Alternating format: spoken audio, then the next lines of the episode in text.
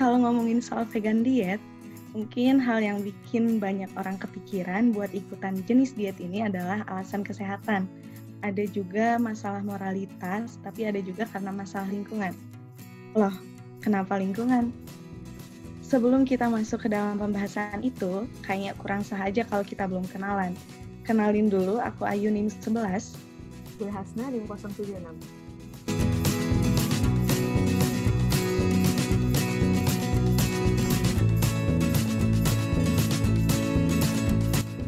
Oke, kembali ke pertanyaan awal. Kenapa sih orang-orang kemudian pilih vegan diet karena alasan lingkungan? Gimana nih, Nas? Oke, jadi pertama udah jadi rahasia umum ya kalau misalnya sejak awal revolusi industri, konsentrasi gas-gas rumah kaca seperti carbon dioxide sama methane itu terus bertambah. Nah, mungkin yang mau gue highlight di sini adalah carbon dioxide dan gas metana sih, karena ini yang paling relevan dengan topik bahasan vegan diet. Jadi uh, pada dasarnya vegan diet itu kan intinya diet yang sama sekali nggak mengonsumsi hewan dan produk turunannya. Misalnya kayak daging atau telur atau susu. Terus alasan kenapa orang banyak yang milih diet ini sebagai lifestyle mereka mungkin karena mereka udah aware sama permasalahan lingkungan yang disebabkan oleh industri peternakan.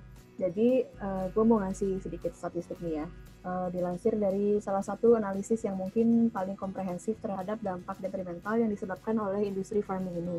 Jadi uh, jurnalnya tuh ada di Science Magazine ya. Menurut jurnal yang ditulis oleh Joseph For ini, produksi meat and dairy itu berkontribusi sebanyak 60% terhadap emisi gas rumah kaca agrikultur total, di mana agrikultur sendiri ini menyumbang sekitar 11% dari emisi gas rumah kaca global. Selain itu juga terdapat ketidakseimbangan antara emisi yang dikeluarkan oleh industri meat and dairy ini dengan kontribusi mereka terhadap levels of protein dan kalori global. Jadi menurut jurnal ini tuh produk-produk meat and dairy ini sendiri hanya memprovide sekitar 18% kalori dan 37% protein levels around the world. Jadi emisinya gede tapi kontribusinya sebenarnya dikit terhadap kayak gizi dan kalori dunia. Nah kalau misalnya kita telah lagi nih emisi gas rumah kaca yang disebabkan oleh peternakan sapi itu sendiri, kontras banget gak sih sama emisi gas rumah kaca yang dilepas akibat produksi protein nabati kayak misalnya tahu atau tempe gitu loh. Nah mungkin yang jadi masalah di sini adalah masyarakat umum kan emang masih belum bisa lepas ya dari lifestyle yang emang mengonsumsi daging uh, atau produk-produk hewan lah dan turunannya. Ya gue juga nggak bisa bohong ya, gue juga emang termasuk orang-orang yang belum bisa pindah ke vegan diet. Jadi I'm just putting it out there gitu. Gue juga masih belum bisa gitu loh. Bener bener bener bener banget susah banget sih ngingat kebutuhan kita akan daging itu tinggi banget kan ya. Hmm. Kalau dilihat dari lingkungan aku sendiri sih seenggaknya satu keluarga itu konsumsi daging hampir setiap hari. Berarti kalau boleh dibilang kebutuhan pasar akan daging itu tinggi banget. Bayangin aja, itu baru satu keluarga. Gimana kalau satu kelurahan? Gimana kalau satu Indonesia bahkan dunia gitu? Hmm. Kebayang gak sih emisi yang dikeluarin tuh sebanyak apa? Terus padahal kalau kita tahu konsumsi sumber makanan utama itu lebih banyak diserap gizinya sama tubuh dibandingin sumber makanan sekunder lain. Dalam hal ini ya sapi. Maksudnya, kita kan makan tumbuhan nih, bakalan jauh lebih berhasiat buat tubuh dibandingin dengan kita makan sapi yang sama-sama makan tumbuhan. Kalau misalkan kita ingat dari rantai makanan deh, kan ada produsen, konsumen satu, sama konsumen dua Hmm. Berarti kalau dihubungin kita makan uh, sayuran deh. Kita makan sayuran berarti kita itu sebagai konsumen satu sementara kita makan sapi itu sebagai konsumen dua.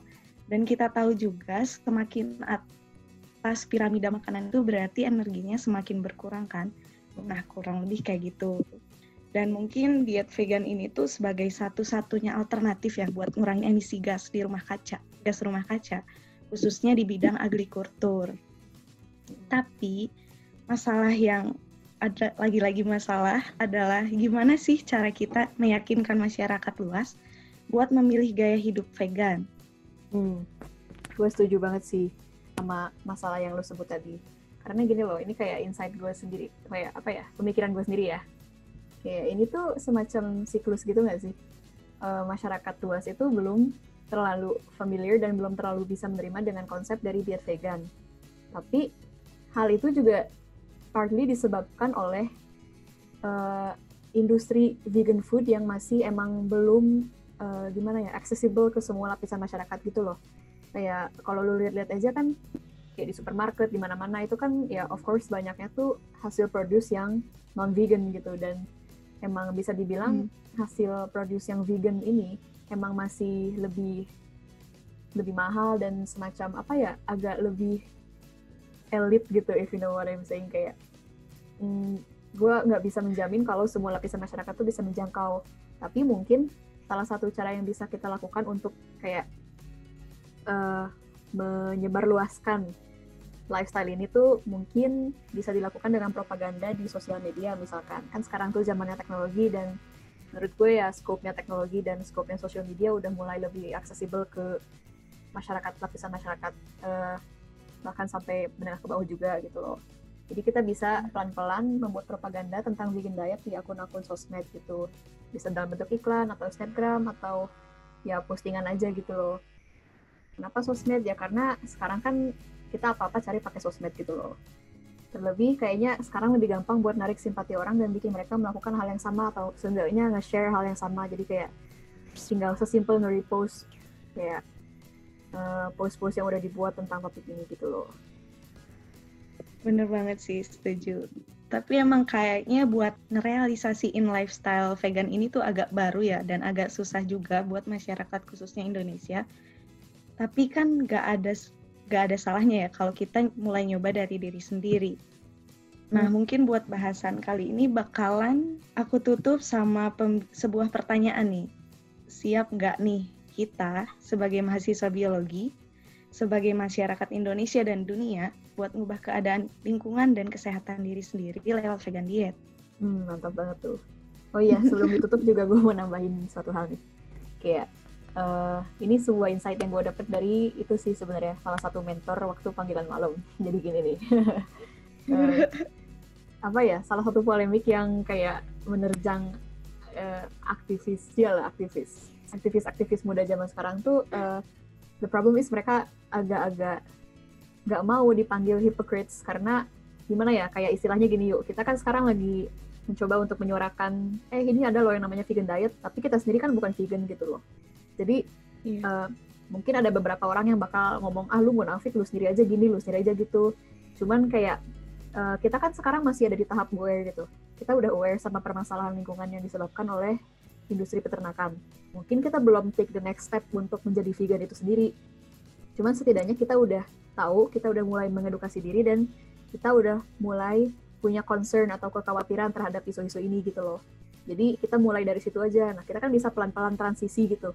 Kayak ini gak penting sih. Cuman kayak misalnya gue nih kalau gue ngopi gitu ya gue tuh bisa sebisa mungkin gue make substitute buat susunya. Jadi gue nggak pakai dairy tapi gue pakai almond milk atau soy milk dan itu tuh enaknya sama gitu.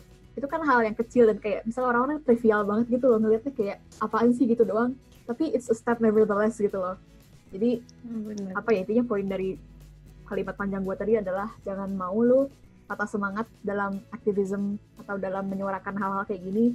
Cuman karena lo nggak mau dikatain hipokrit karena pada dasarnya semua orang juga pasti hipokrit gitu loh. Udah kayaknya gitu aja sih. dan mungkin ini pada dasarnya semua perubahan kecil itu berarti ya nah setuju banget sih. Kayak gimana ya? Apa sih peribahasanya tuh yuk yang apa ya? Lupa gue. Waduh. Yang apa sih? Ya itulah intinya. Yang kayak pelan-pelan menjadi apa lupa gue. Intinya intinya semua perubahan tuh berarti aja. Sedikit-sedikit tapi menjadi bukit.